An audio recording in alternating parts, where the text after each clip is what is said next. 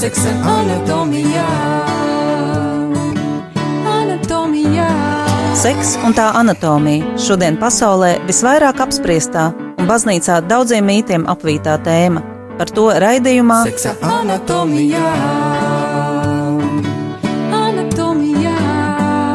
kopā ar mani Annu piekdienās, pulkstens astoņos vakarā. Anatomijā. Tiekamies!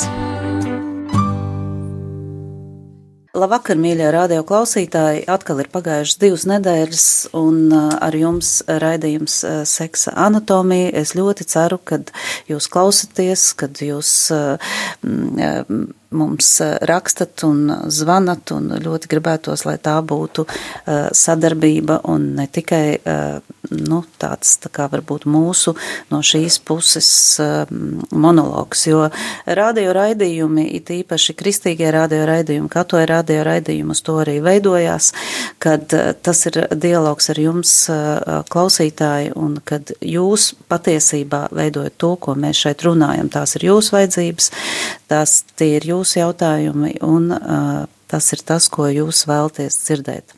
Kā jau solīju, pie mums atkal studijā šodien ir Marks. Sveiks, Mark! Vakar. Uh, es nelūkšu Marku stāstīt atkal par sevi, tad jūs varat iet arhīvā, uzslēgt iepriekšējā raidījumu, un tur jūs uh, visu to dzirdēsiet. Bet uh, šodien gribam tā ļoti aktīvi turpināt iepriekšējā raidījuma un iepriekšējās sarunas tēmu, un mēs um, patiesībā apstājāmies pie tā, kas ir kauns. Ja, daudz runājām pagājušais par kaunu, par to, ka bieži vien ir kauns runāt par kaut kādām lietām ar saviem bērniem, ar pusauģiem, un lai cik tas dīvaini nebūtu arī ar otru cilvēku, ar ko mēs esam kopā, bieži vien arī ar ko es esam, esam ģimenē, ar ko esam uh, laulībā. Kas tad īstenībā ir kauns, no kā viņš rodas, kā tu domā, un kā izprast to un kā to pārvarēt? Kauns pieder pie ļoti sarežģītām emocijām, kuras bieži vien ir tik ļoti labi maskējis, ka nevar uzreiz pamanīt, ka cilvēks dzīvo kaunā vai ka viņš jūt kaunu. Un tāpat arī kauns pieder pie vissmagākām emocijām. Tāpēc bieži vien ir tā, ka, ja cilvēks tiek nokaunināts, piemēram, kaut vai arī bērns vai pieaugušais, tad šo kaunu ļoti ātri aizvieto kaut kāda cita emocija. Cilvēks tā kā uh, atslēdzas uz brīdi, un tas kauns ir tik neciešams, ka viņš uzreiz sadusmojas vai apvainojas. Mm -hmm. Tā kā nāk virsū kaut kāda emocija, kas ir uh, vairāk panesama cilvēkam. Tādēļ kauns tiešām ir, nu, saruna par kaunu ir svarīga. Kauns uh, tieši seksualitātes kontekstā, ja mēs -hmm. paskatāmies, tad kauns uh, katrai emocijai, visām jūtām ir, nu, tie ir vēstnieki, jā, vai vēstneši, kas atnāk ar kaut kādu vēsti no mūsu dvēseles. Un ja mēs šo vēsti spējam uzklausīt un pieņemt, tad viss ir ok, bet ja mēs to nedaram, tad šie vēstnieši var pārvērsties par demoniem. Ja. Nu, tas ir traki, jo es atceros, ka padomu laikos pedagoģija arī bija tāds uzskats, ka bērns ir jākaunina. Ja, tā tad apzināti jākaunina mm. par kaut kādām lietām, lai uh, izveidotos viņam pareizā vērtību sistēma, vai tas vispār kaut kā adekvāti ir un kā tas ir asais iespējas uz to mūsu paudzi. Es domāju, ka tā ir katastrofa. Tas, ka tas, tā, tā tas toreiz notika, saprotu, ka cilvēki vadījās iespējams pēc labiem nodomiem, negribēja nevienu speciāli graut, bet šī kaunināšana ir ļoti spēcīgs ierocis. Un uh, ir jāsaprot, kā darbojas kauns. Uh, kauns tādā labā, pozitīvā viņa funkcija ir tā, ka kauns uh, simbolizē, uh, signalizē uh, kaut kādu ielaušanos uh, intimitātē, ka notiek kaut kas tāds, ka kāds ir pa tuvu, piemēram, un man kaut ir kā pārkāptas. Signalizē par to, ka robežas pārkāptas, ka intimitāte ir uzlausta, un tāpēc kauns ir, protams, tā ir dieva dāvana, ka cilvēks spēj just kaunu. Bet no otras puses, ja cilvēks paliek kaunā, tad eh, vai viņu ievēt kaunā speciāli kāds no malas, un pieaugušiem tas ir elementāri to nu, nu, izdarīt ar bērnu. Ja. Tā ir manipulācija, un uh, kauns rada saspiedumu, un kauns pārvēršas par bailēm no citu cilvēku nosodījuma. ļoti bieži arī terapija, kad strādāju ar klientiem, ļoti bieži mēs saskaramies ar šo kaunu. Un tad atklājas tā kauna būtība, kad cilvēkam ir bail, ka viņu nosodīs, tāpēc viņš kaut ko nedara. Piemēram, zinot ļoti skaidri, ka viņam tas ir jādara, tas ir viņa aicinājums. Bailes no nosodījuma, no tā otrā cilvēka, tāda asā, nelabvēlīga skatiena, kas viņu nosoda, kas viņu sagrauj. Tāpēc kauns var tiešām radīt nu, tādas lielu postu cilvēka dvēselē. Audzināšanu nevar balstīt uz, uz kauna pamatā tas, e, tas bērnam ir graujoši tiešām. Bet tajā vēl otrs tāds moments, viens ir kaut ko nedarīt, tāpēc, kad ir kauns, jā, bet man liekas, ka bieži vien ir tādas lietas, kad mēs kaut ko izdaram pa kluso un pēc tam kaunamies mm. par to, tātad tas pats seks, jā, tas pats kaut kādu, pieņemsim, neadekvāta ēšana, jā, mēs, te, te jau ir tie kompensatorie mehānismi, jā, vai alkohols, jā, vai kaut kas -hmm. tam līdzīgs, tāpat pornogrāfija. Kaunamies, jā, e, bieži vien kristieši arī esmu dzirdējis, iet uz grēku sūdzi, viņš nokaunās, jā, un pēc tam dara atkal. Ja? Kas tur par mehānismu nostrādā? Nu, tā lielos vilcienos es to redzu tā, ka izējas punkts ir kaut kāda, nu, to var saukt par diskomfortu, vai to var saukt par sāpi. Tātad ir kaut kāda cilvēkam problēma, kas rada spriedzi, un viņš nemāk izlādēt šo spriedzi savādāk kā caur destrukciju. Piemēram, nu, paņemsim klasiku, ja piemēram caur alkoholu, -hmm. tad viņš dzer, Pēc tam par to, ko viņš ir darījis, viņš izjūt milzīgu vainu, milzīgu kaunu, un tas rada viņam vēl lielāku diskomfortu. Un tā kā viņš nemāķi izlādēt šo diskomfortu savādāk, tad viņš atkal dzer. Nu, tas ir abortais lokus. Tas par tā darbojas daudz maz visas atkarības pēc šī principa nu, darbojas. Arī pornogrāfija, masturbācija, jā, tāpat ir. Sakari kaut kādi. Jā, jā tas viss darbojas pēc līdzīga principa. Un uh, tas, ko, nu, kā mēs parasti rēģējam, uz to mēs cilvēku nosodām.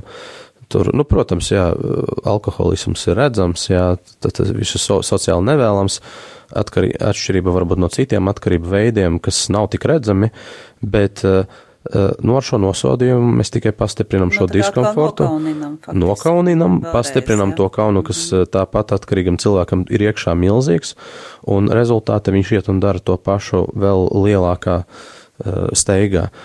Tātad tas nav izteikts. Es saprotu, ka tas var izklausīties ļoti teorētiski, ko es saku, mhm. bet, eh, ja mēs tā rīkojamies, tad mēs esam līdzatkarības trīsturī. Viņš uz doto mirkli ir upuris, mēs esam varmāka, kura viņam uzbruk, viņu kaunina, viņu vaino, tad viņš iet piedzerās un viņš kļūst par varmāku, kas mūs terorizē, mēs kļūstam par upuri. Nu, tā ir klasika, un šādā veidā cilvēks neatbrīvojas ne no kā. Bet uh, atbrīvošana var notikt caur to, ja mēs sasniedzam šo izējas punktu, šo diskomfortu, šo sāpju, šo tukšumu, kas cilvēku pamudina iet tālāk šajā destrukcijā. Un ļoti bieži šeit atklājas ļoti dziļas tādas eksistenciālas lietas, ka, piemēram, cilvēks asāk nekā citi izjūt bailes no nāves. Bet tas ir tik labi maskētas eh, mūsu psihē ar tik daudzām aizsardzībām, ka nu, rezultātā nu, viņš izklausās ļoti, izskatās ļoti banāli. Nu, vienkārši alkoholiķis, nu, dzer tāpēc, ka ir izlaidies un, un viss. Ja? Tātad tāds vienkāršs skatījums. Tāpat arī e, vīrieši, kuriem ir atkarība no pornogrāfijas, no masturbācijas. E, protams, tur ir tā garīgā daļa, un tur ir ko sūdzēt, grēksūdzē. Bet e, e, iziet no atkarības nav iespējams nesapratot, kā, tad, kā tā darbojas, ka, ko šī atkarība manā dzīvē aizvieto, ka, kas tas par sprostu, kāpēc viņa man ir vajadzīga.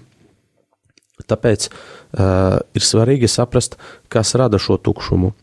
Piemēram, kad es strādāju ar uh, cilvēkiem, kuriem ir dažāda veida atkarības, tad mhm. pirmais jautājums, jautājums ir, kas ir tāds tavā dzīvē, ko tu nespēji izturēt bez alkohola? Ko tu nespēji izturēt bez alkohola. Bieži vien atbildē ir tāda, nu, eh, pavisam vienkārša, ka dzīve ir šausmīgi garlaicīga. Dzīve ir tik neciešami garlaicīga un nav, nav jēgas, jau nekā nav, nekā nav jēgas. Tāpēc cilvēks aiziet atkarībā. Un uh, tie, kas, teiksim tā, nu, augstāk funkcionējošās personības, labāk adaptējušās sabiedrībā, nu, izvēlas viltīgākas atkarības Jo arī iešana uz baznīcu dažreiz var būt atkarība. Es domāju, ka ļoti bieži. Jā, un, bet tā izskatās sociāli vēlami, tad, tad šie, šos cilvēkus nenosoda, un tad mēs te esam sapulcējušies tāds tā, taisnīgo, Tāds eh, klubiņš. vai ne, un tad mēs tur nosodam tos pārējos. Nu, tā ir atkal klasika, bet uh, mums jau katram ir šie mehānismi. Mēs katrs bēgam no saviem tukšumiem kaut kādiem, un ir svarīgi tur atgriezties. Savādāk mēs nu, palik, paliekam atkarīgi visu mūžu no darba, varbūt atkarīgam no darba, varbūt atkarīgam no uh, ielikt kādu cilvēku dieva vietā, partneri, draugu, Nu, bērnu. attiecība atkarība, Jā. faktiski. Jā. Lūdzu, tas ir tas pats alkoholisms. D- Te mēs nonākam, man liekas, kad, uh, pie viena ļoti svarīga momenta tieši saistībā ar seksu un seksuālo dzīvi. Vai nav tā, ka bieži vien cilvēks aiziet kopā, dzīvo kopā, vai pat fakt, arī dibina ģimeni uz tā atkarības fona? Uh, Kad, vai, vai s- nav tā, ka es uh, uh, gribu risināt savas seksa problēmas un tādēļ es veidoju ģimeni?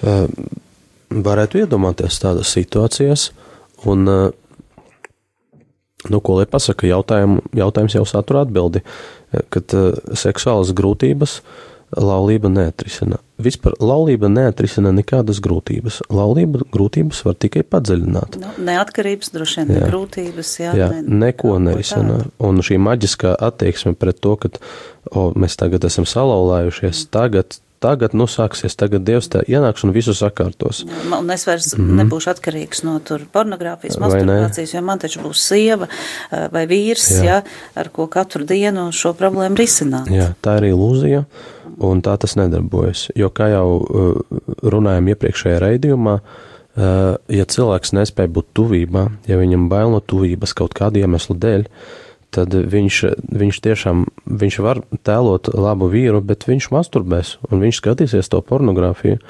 jo tur viņš jūtas drošāks. Tātad, kamēr nav atrisināta šīs bailes no tuvības, atkarība nepazudīs. Tagad, tas ir mīts, ka šīs seksuālas problēmas pazudīs, ja cilvēks vienkārši, ja cilvēkam būs regulāra dzimuma dzīve. Ļoti bieži tā nav. Un ko tādā gadījumā, teiksim, divi cilvēki izprot uh, savā laulībā, jo viņiem jāaudzina bērnu, un mēs te runājam daudz par bērnu pusauģu seksuālu audzināšanu. Bet ja viņi paši ir kaunā, ja viņi paši ir šādā atkarībā, uh, nu, ka, kas būtu varbūt šī gadījumā varbūt arī tāda konkrēta ieteikuma, kā pagājušajā raidījumā, kas būtu, ar ko būtu jāsāk, kā būtu jāsāk runāt vienam ar otru. Jo viens ir uh, tas, ka uh, es kā kristietis nodibinot kristīgu ģimeni, esot savā atkarībā, ik pa reizē aizēju uz grēksūdzu, un man šķiet, ka es to atrisinu, ja, bet ja tas nenotiek kopā, uh, vai tas vispār ir izcināms? Uz grēksudzi jāiet obligāti.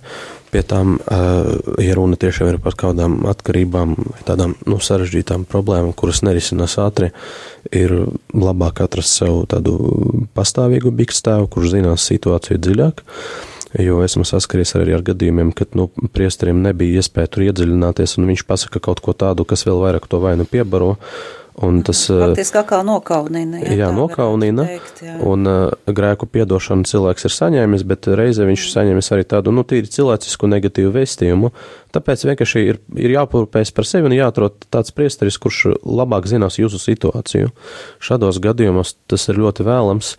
Un uh, man šķiet, ka te tieši uh, svarīgi ir kombinēt to garīgo, emocionālo ārstēšanu, dvēseles ārstēšanu, un tur nav nekādas pretrunas starp, starp nu, priesteri, piemēram, un kaut kādām citām lietām.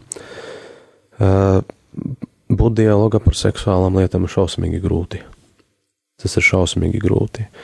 Mums laulībā ir vieglāk runāt par, uh, nu, par visu, Par ko, jebko. par jebko, par darbu, par finansēm, par bērnu problēmām, bet runāt par to, kas notiek laulāto guļama istabā, vai kas notiek ārpus tās seksuālā jomā, eh, tas ir sarežģīti. Tas tiešām ir sarežģīti, un tas prasa lielu drosmi un uzdrīkstēšanos. Un problēma arī rodas no tā, ka e, praktiski nekad nav tā, ka abas puses ir vienlīdz gatavs šai sarunai. Vienmēr kādam no, no, no, no, no laulātajiem tā apziņa būs dziļākā, eh, varbūt tā motivācija būs stiprāka, un tad viņš cieš no tā, ka tas otrs nav tik atverts. Tas, kurš nav atverts, cieš no tā, ka no viņa pieprasa šķiet kaut ko tādu, ko viņš nespēja, nespēja pavilkt, un tas, protams, var radīt spriedzi. Kas tā tīri praktiski var darboties? Nu, laikam nepa, nepateikšu neko tādu dikti jaunu. Viena metode, kas darbojas, var sarunāties ar vēstulēm. Var norunāt, ka mēs rakstīsim vēstules viens otram par tādām lietām, par kurām nespējam runāt vai pagaidām nespējam runāt. Dažiem, dažiem laulātajiem tas der un, un tas strādā. Protams, atkal citam var likties, ka nu, tā ir kaut kāda tāda spēle, ko, ko, ko mēs rakstīsim vēstules, bet, bet jā, netiešā veidā dažreiz pateikt ir vienkāršāk.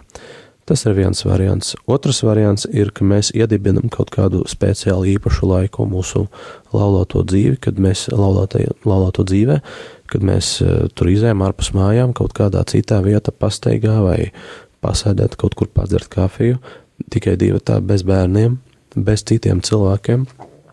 Un tā ir īpaša vieta un īpašs laiks, kad mēs runājam par sarežģītām lietām.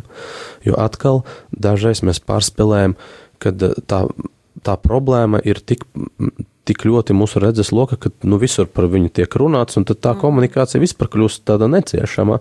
Labāk sakoncentrējam šīs smagās lietās vienā stundā reizi nedēļā. Un tur sarunājamies par, par mūsu problēmām, pārējā laika sarunājamies par citām lietām, kas ir vieglākas. Arī tās var palīdzēt. Protams, tie pāri, kas tam ir gatavi un kas to var atļauties, var, var ieaicināt arī starpnieku. Tā var būt pārterapija uz kādu laiku, piemēram, es pat esmu saskaries ar gadījumiem, kad nevajag daudz šo tikšanas reižu, vienkārši pietiek mm -hmm. nolikt uz īstām sliedēm, mm -hmm. tas starpnieks palīdz šo dialogu parāda, kur ir pieklībotas dialogs, un uh, tas var palīdzēt. Citreiz, protams, tas prasa arī ilgāku laiku, bet uh, dažiem pāriem der arī tas. Ja ir jāatrod, dažreiz ir tādi arī uh, garīgi vadītāji, garīgi tēvi, kuri ir gatavi palīdzēt uh, pavadīt pāri kopā. Uh, tas, protams, nu, tas ir kaut kas ekskluzīvs. Ne jau katrs būs gatavs šādam darbam. Tur jau tā lieta, es domāju, ka pirmkārt tas ir ekskluzīvs tajā, ka nevienmēr vispār ir gatavs šim darbam, un otrs mm. ir, kā atrast to cilvēku, kas spēj arī pavadīt, vai tas ir mm, garīgās kārtas cilvēks, vai tas ir psihologs vai psihoterapeits, vai varbūt tas ir kāds cits pāris, eh, kas arī mm -hmm. īstenībā ir, eh, nu, tur tā arī varētu būt problēma. Mm -hmm. Jā, noteikti. Un šeit vienkārši risinājumu nav. Nu, negribas kaut kādas tādas rozā brilles tev sev uzlikt, jo tiešām tas ir sarežģīti. Bet, nu, cienījami laulātie, kurš jums solīja, ka būs vienkārši? Būt laulībā nav vienkārši. Es pat brīžiem pat aizdomājos par to, ka varbūt celībāte īstenībā dzīvot ir vieglāk kaut kādā ziņā. Nu jā, es arī par to daudz domāju. Jā.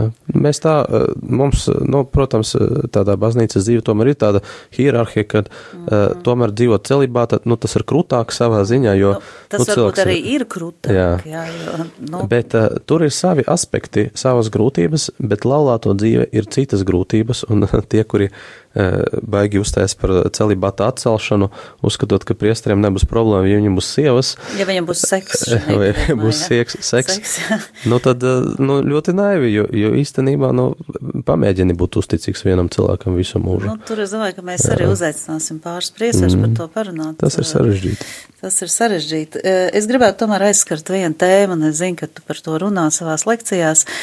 Bieži vien, ja ir problēmas seksuālajā dzīvē, ja ir problēmas laulības, laulībā arī seksuālajā dzīvē, ir pieņemts domāt, ka mums jau varbūt, ka nav tās seksuālās sadarības, vai ir tāda seksuālā sadarība, vai viņas par eksistē, un kas tas mm -hmm. tāds ir, ja viņi eksistē. Seksuāla sadarība neeksistē vispār. Eksistē tikai seksuāla nesadarība, jo tas tiešām ir izplatīts mīts, uz kurā uz kā parazitē arī mēdīja un dažas citas puses, kas ir ieinteresētas, lai būtu šis hauss seksuālā joma un uz tā var arī labi pelnīt. Bet īstenībā, protams, neviens vīrietis ar, ne ar vienu sievieti nav seksuāli sadarīgs. Tādā ziņā, ka fizioloģiski mēs visi esam sadarīgi, protams, bet emocionāli mēs nekad neesam sadarīgi.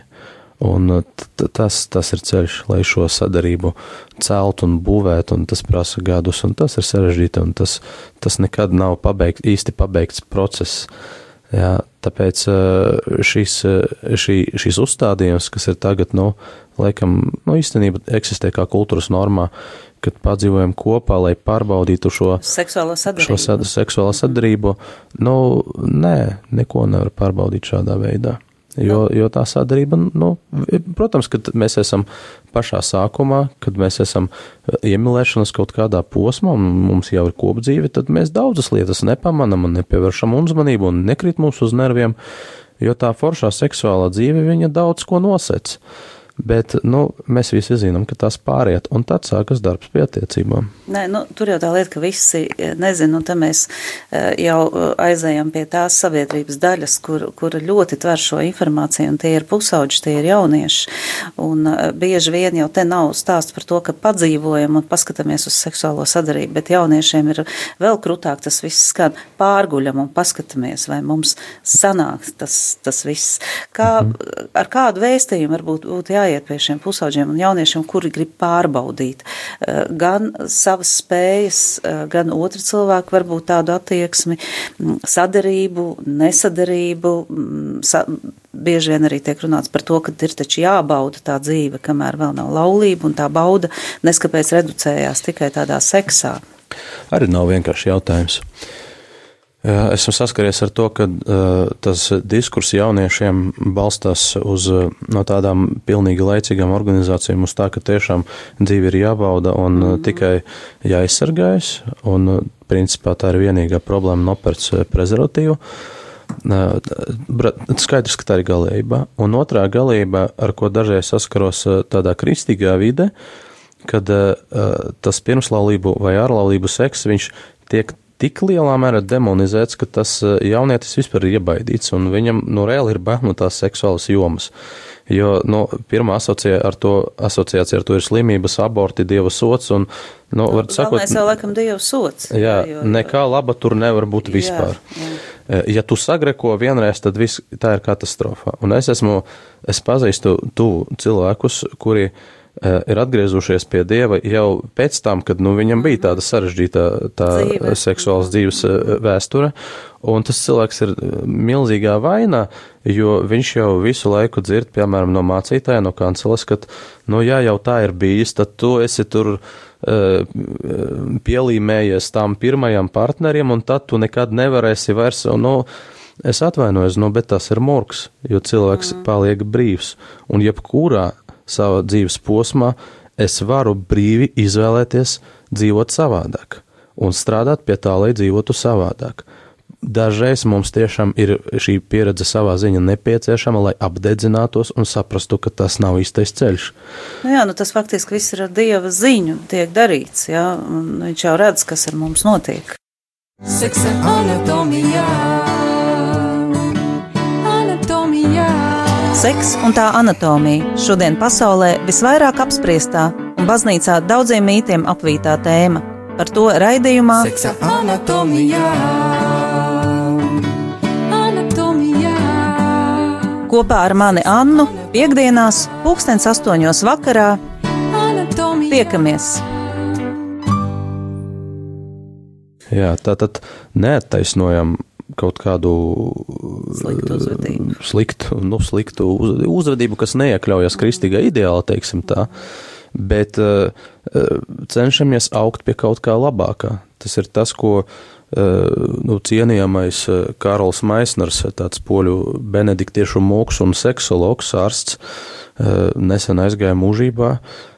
Nu, Šam šķiet, vecs cilvēks teica, ka seksuālas problēmas seksuālā dzīvē, nu, pastāv uzskats, ka tas ir jāapkaro, ar tām ir jācīnās. Viņš saka, bet uh, visbiežāk pareizāk ir pateikt, ka no tām ir jāizaug, jo seksuālas grūtības liecina par brieduma trūkumu.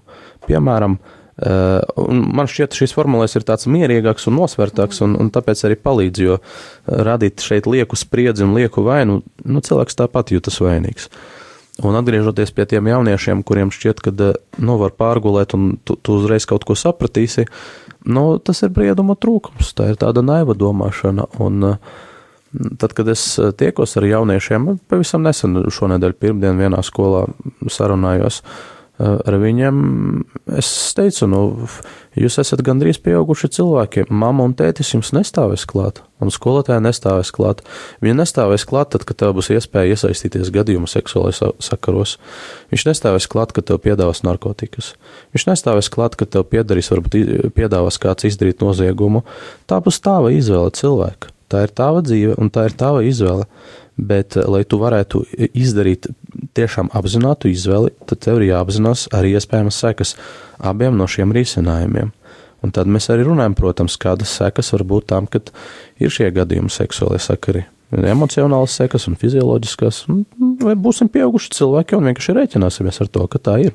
Te jau par briedumu trūkumu klausoties, es saprotu, ka mēs varam runāt ne tikai par jauniešiem, bet vispār mūsdienā par sabiedrības visas sabiedrības briedumu trūkumu.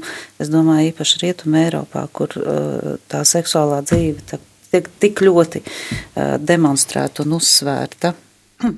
Uh, runājot par jauniešiem un par pusauģiem, viens ļoti svarīgs arī tāds varbūt jautājums, kas tika arī aptaujā izcelts ārkārtīgi tātad kopdzīve vai seks, te nav runa pat par gadījumu seksu pirms varbūt laulībām, ko tas mums tomēr nodara. Jā, es saprotu, ka mēs varam augt uz priekšu, un to, to arī tikko teica, bet lai tā varbūt saprast, jo tā, tas jautājums ir ļoti aktuāls mūsdienās. Jā, jautājums nav vienkāršs, un uh, mēs ar savu tādu kristīgu vīziju par uh, šķīstību pirms laulībām, protams, izskatāmies dīvaini. Absolūti. Jā, un uh, šīs ir tādas lietas, ko, manuprāt, uh, bez dieva žēlstības nevar saprast. Nevar saprast un pieņemt. Argumenti ir, protams, par labu tam, lai nesteigtos ar seksuālu dzīvi, kad uh, mēs iepazīstam šo cilvēku sākumā emocionāli, mēs iepazīstam viņu caur vērtībām, mēs ejam cauri kaut kādiem pārbaudījumiem, un tad, ja mēs redzam, ka mēs esam gatavi ar šo cilvēku būt visu mūžu, tad mēs atveramies arī seksuālam attiecībām, tad uzņemoties jau atbildību, arī tad izskaita caur laulības aktu arī publiski, jā, caur, caur laulības noslēgšanu. Uh, tas ir skaisti, protams, bet uh, bez žēlstības to nevar saprast. Un uh, es atceros arī nu, savu tādu laiku pēc atgriešanās pie Dieva, kad es biju ļoti kategorisks šaj, šaj, šajos jautājumos, mm. kategorisks savus spriedumos. Uh, no, uh, gadu gaitā tas pārgāja man, jo ir jārēķinās, ka katram no mums ir, ir dota cita starta pozīcija. Ir cilvēki, kuri līdz tam nonāk mm, tikai caur smagiem pārbaudījumiem, sarežģītām lietām, sarežģītām pieredzēm. Dažreiz, tad, kad es vadu sadarināto uh, lekciju par seksualitāti, sadarināto kursos savā draudzē, es redzu pēc sējām, kā šie cilvēki rēģē uz, uz, uz sarunām par kaut kādu atturību pirms laulības. Jā, tas, tas izraisa protestu, tas izraisa aizsardzību, un tas ir saprotams, jo, ja cilvēks nav piedzīvojis šo dieva tuvību, dieva pieskārienu, uh, nu, viņam šķiet, ka, nu, kā, nu, nu, es taču nevaru savādāk, nu, visi tā dara. Jā. Tātad na, viņam nav tāda resursa, psiholoģiski runājot, viņam nav resursa. Un uh, būtu forši, ja cilvēkiem šis resurs būtu vienmēr, bet, nu, dzīve ir tāda, kāda viņa ir. Protams, uh, šī, šīs nu, pēdiņas pār, pārbaudījuma attiecības, tādas testēšanas režīmu, padzīvosim kopā tur, un e, nu, tā, tā, tas ir surrogāts. Tā ir tēlošana, ka mēs esam ģimenē, ja mēs neesam, ka mēs esam laulātie, bet mēs neesam. Mēs tā kā uh, bišķiņ kā bērni, mēs spēlējamies. Ziniet, bērni arī spēlē ģimeni, spēlē daktari, visu, ko spēlē. Nu jā, tikai pieaugušo jā. spēles, un, viņam ir citas sakas faktiski. Jā, jā, žēl tērēt savu dzīvi tādām lietām, žēl tērēt to laiku. Bet no otras puses uh, ir labas ģimenes foršas, labas foršas attiecības arī cilvēkiem, kas ir nekristīgi, un tas ir jāatzīst. Dieva žēlsirdība un žēlstība ir, ir visur, jā. Un, uh, saule spīd gan taisnīgiem, gan netaisnīgiem. Mm. Tas arī ir jāatzīst. Nu, nedrīkst to visu zīmēt tādā melnbaltā krāsā. Bet, ja tu esi iepazinis Dievu, tad nu, var uzticēties un, un iet, iet tālāk. Bet savā ziņā tā, tā ir tāda varonība. Un pieprasīt no cilvēkiem būt varoņiem, nu, tas arī nav īsti cilvēciski. Bet ir jau tomēr kaut kāds konkrēts lietas, par kurām mēs varam runāt, un vismaz ieskicēt to, uh, ko nodara attiecībām tas, ka mēs tomēr steidzamies, vai arī varbūt uh, šie uh, nu, nekārtīgie, vienreizējie jauniešu vidū tāda seksa baudīšana, ja, ko tas var Nu, būt ļoti tālākām vienkārši elementāri attiecībām. vīrietis, kurš saka, ka uh, zīmogam pasa nav nekādas nozīmes, tāpēc es neprecos. Bet, uh, ja nav nozīmes, tad kāpēc tu nevari arī apprecēties? Varbūt sievietē tas ir svarīgi. Varbūt viņai tas Jā. ir svarīgi, ka tu arī publiski no šo zīmogu tiešām uzņēmies un ļauj savā pasē ielikt šo zīmogu. Un tu apliecini publiski vēlreiz to pašu, ka tu viņu mīli. Tātad faktiski mēs to varam darīt nevienmēr tikai tad, tāpēc, ka saprotam paši, bet uh, varbūt otru cilvēku labā un tādēļ, ka viņu mīlam. Jā, bet es ar to arī vēlos pateikt, ka eh, dažreiz nu, tā ir tā, tā pati Ādama problēma no paradīzes, ko mēs esam runājuši iepriekš. Eh, Ādams, kurš negrib uzņemties atbildību. Mm -hmm. Viņš negrib uzņemties atbildību. Kāpēc Viņš vi- grib paturēt durvis vaļā. Kāpēc vīrieši tik ļoti pretojās šai atbildībai? Kaut gan es zinu pēc savas pieredzes, tas vīrietis, kas uzņems beidzot atbildību un izprot to, viņš vairs no tā negrib atteikties. Nu, ja viņš nenožēlo. Bet eh, redzēt, eh, tā atbildība dažreiz tiek uztverta kā nasta. Bet eh, tā atbildība ir cieņa, tā atbildība ir spēks. Tas, eh, tas, nu, saku, tas, tas ir dabiski vīrietim nest atbildību. Tas, tas ir vienkārši mūsu dabiskais stāvoklis.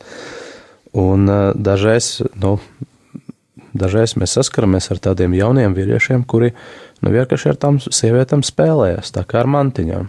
Paņēmu vienu, pēc tam paņēmu citu. Nu, ielaidiet piecgadīgu bērnu uh, veikalā. veikalā. Jā, mantiņu veikalā, un, un jūs ieraudzīsiet to, ko dara šie vīrieši ar sievietēm.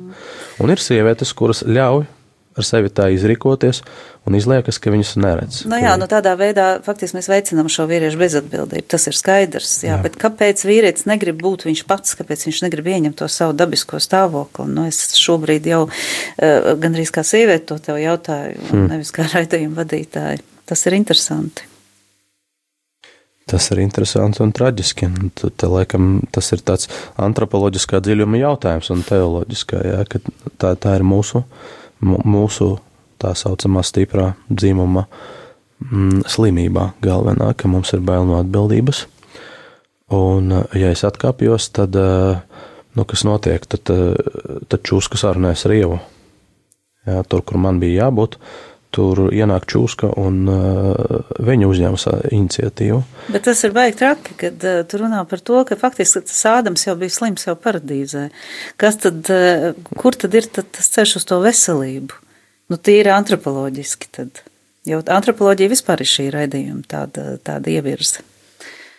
Tīri antropoloģiskie, nezinu, bet tā tēlēni runājot, eh, nu, paņemt šo čūsku eh, rokas un, un, eh, un izmest prom.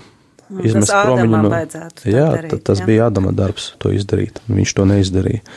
Un, eh, ja es atdodu brīvprātīgi baiļu dēļ vai kaut kādu citu izvēļu dēļ, atdodu savu atbildību, atdodu savu ģimenes, galva, ģimenes galvas vietu, godu kādam citam, tad es vienkārši, nu, es zaudēju savu vīrišķību savā ziņā. Ta- Tas, tas atkal var ieve- ievest arī eh, sievu un bērnu traģiskā stāvoklī. Nu, tad viss, ir, viss saslēdzas uz tā vīrieša tomēr. Nu, jāpiekrīt viesturam rudzītim, kad jā, nu ir tā, ka, ja vīrietis ir istums, vīrietis ir istums, arī sieviete nav laimīga. Nu, tas arī ir fakts, jā, un ja sieviete ļauj ar sevīm uh, darīt tā, kā vīrietis iedomājas, kā būtu pareizi, tad arī viņa, ne, ne tas vīrietis, ne tā sieviete ir laimīga. Jā, tad mēs zaudējam ne tikai mm -hmm. sabiedrībā vīrišķību un sievišķību, bet arī to laimes izjūtu. Tā es saprotu. Uh, vīrieša laime, kā es nu, varbūt uzdrīkstēšos apgalvot, atkal nepretendēt uz to, ka tā ir tāda vispārēja patiesība, ir uh, pieņemt un atzīt, ka viņa galvenā funkcija dzīve ir būt tēvam. Tas ir galvenais, un bez tā mēs nevaram būt laimīgi, mēs nevaram būt piepildīti. Būt tēvam var būt dažādos veidos. Nu, klasiski, par ko baznīca tiek runāts, tad var būt garīgi tēvam, kā priesteris, kuram nav savu bērnu, varbūt miesīgi tēvam, kā lielākā daļa no mūsu vīriešu, bet tēvam var būt arī citā ziņā. Tev apkārt visur ir bāriņi, tev apkārt ir visur cilvēki, kuriem nav bijis tēvs. Mūsu sabiedrība ir milzīgas ilgas un slāpes pēc tēva, pēc īstā vīriešā. To es arī redzu, satiekoties ar dažādiem cilvēkiem, dažādās auditorijas, ka ir šīs slāpes gan vīriešiem, gan sievietēm, ir šī vajadzība. Un tu, uzņemoties šo atbildību, tu vari būt tēvs arī daudziem citiem saviem kolēģiem uh, sava dēla draugiem, ne tikai savam dēlam. Tu vari iedot viņam drusku tās tevišķības. Tu vari būt tēvs, iemācot kādam jaunam vīrietim kaut ko tādu, ko viņš, ko viņš nemāk, tāpēc, ka viņ, viņam nebija iespējas iemācīties. Tu vari davāt tevišķu attieksmi jaunākai sievietei, kura ir tavas meitas vecumā, un caur to tu nes savu spēku, caur to tu pavairu sevi. Un vēl viens ceļš, kā mēs varam būt tēvi, izpildot īstenībā pirmo dievu pāvēli augļojieties un vairojieties tādā ziņā, ka esiet radoši, jā, esiet kreatīvi, jā, jo kreatīvs tas, tas no vienas puses ir reprodukcija, bet reproducēt var rādīt, rādot pēcnācējus, bet reproducēt var radot mākslu, var caur savu darbu. Dievs ir radītājs, un mēs faktiski esam pēc viņa ģīmuma līdzības. Jā, tā jā. kā tur arī var tāds. Tātad moments. tēvam mēs varam būt tevi dažādos veidos, bet ja es ielieku sevi kaut kādā strupceļā un pasaku, ka es, es nevaru tāpēc, kā man bija tāda un tāda pagātnē, uh, man ir tādi un tādi apstākļi, man, man nu, tur ir dāvs, es to nevaru mainīt. Tā tāda attaisnošanās. Uh, nu, tā, redzi, vienmēr, nu, nu jā, nu, nu ir taisnība, bija tāda pagātne, nu bija, nu ir tiešām grūti mainīt to darbu tur un atrast savu vietu, ir grūti, bet, nu, tas ir pašapmans tu galu galā nepaņem atbildību par savu dzīvi savās rokās, nu tad vari stāstīt visu mūžu, ka tu nevari. Un tad faktiski tā, tas tāds arī beigu moments ir, jo, diemžēl, atkal mums tas laiks tuvojās beigām, varētu runāt un, un runāt, un es ļoti ceru, ka varbūt pavasarī tad tiksimies vēl vienreiz. Tad arī par to seksuālo dzīvi un par seksu ģimenē būtu jāuzņemās atbildība vīrietim, tā es saprotu. Nu, seks ir pārlieta, tad es, es, es teiktu, ka atbildība ir jādala, bet te var būt tāda īpaša mūsu vīriešu specifika, ka uh, mums nav tik augstas emocionāli un arī nu, tā ir cilvēciski, nav tik augstas prasības pret pašu uh, seksuālo aktu. Mums ir, mums viegli nāk uzbūdinājums, mums viegli nāk izlādē, mēs viegli varam abstrahēties no kaut kādiem apstākļiem, kas mums nepatīk. Sievietē tā nav. Sieviete, lai viņa varētu tiešām atvērties, pati atvērties, lai viņi gribētu tiešām šo seksu, viņi ir jāiziet cauri daudz eh, smagākam ceļam. Un šis ceļš nav divas minūtes, kā mums jā, vīriešiem, jā, ieraugot. Daudz garākai priekšspēlē, faktiski. Tieši tā, un tā, arī mēnesis. Un tā priekšspēlē, priekšspēlē sākas uh, caur attiecībām, nevis tad, kad jau ir tiešām laiks gultā. Uh, gultā. Un tas, ko vīrietis var darīt, viņš var radīt apstākļus, lai šī prelūdija varētu notikt. Jūsu sievas jums būs pateicīgas, ja jūs to darīsiet. Bet bieži vien ir tā, ka no mūsu vīrišķa izpratnē seks notiek tad, kad notiek seks, nevis tur dienu iepriekš, mm -hmm. jo, nezinu, mēs tur esam sastrīdējušies un sieva ir slikts garas stāvoklis un pēc tam es varu kaut ko sagaidīt no viņas, jā, kam, kam viņa nav gatava. Sievietē tas ir savādāk. Un mēs kā vīrieši varētu nu, tā iepazīt varbūt sieviešu psiholoģiju bišķi dziļāk, lai saprastu, nu, pēc kā viņi ilgojas, kas viņai ir vajadzīgs. Īstenībā sieviete ir seksa eksperta, nevis vīrietis. Vīrietim ir ļoti viegli gūt apmierinājumu no seksa. Mēs savu daļu nezaudējam, bet uh, panākt to, lai tas ir tie, tiešām kopabūšanas prieks, lai tas ir prieks abiem, uh, nu, tas jau prasa arī ieguldīties. Pilnīgi piekrītu un arī aicinu vīriešus tomēr uh, uzņemties drusciņu vairāk par to atbildību un iepazīt sievieti, iepazīt viņas uh, psiholoģiju, emocionalitāti un fizioloģiju. Un uh, es domāju, ka ar to visi kļūs laimīgāki. Lielas paldies, Marka, kad atkal bija kopā ar mums. Es domāju, ka mēs noteikti vēl šo tēmu turpināsim, jo tā ir tik dziļa un nopietna, kad izrunāt visu nav iespējams tikai nedaudz pieskarties. Paldies, uh, radio klausītāji, ka bijāt kopā ar mums. Gaidām jūsu jautājumus, gaidām jūsu komentārus un uh, līdz tikšanās pēc uh, divām nedēļām piekdienā. Ar labu vakaru! Visu labu! Seksa anatomijā, anatomijā, Seks un tā anatomija šodien pasaulē visvairāk apspriestā un baznīcā daudziem mītiem apvītā tēma. Par to raidījumā Seksa. Anatomijā. Kopā ar mani Annu piekdienās, pulkstens astoņos vakarā tiekamies!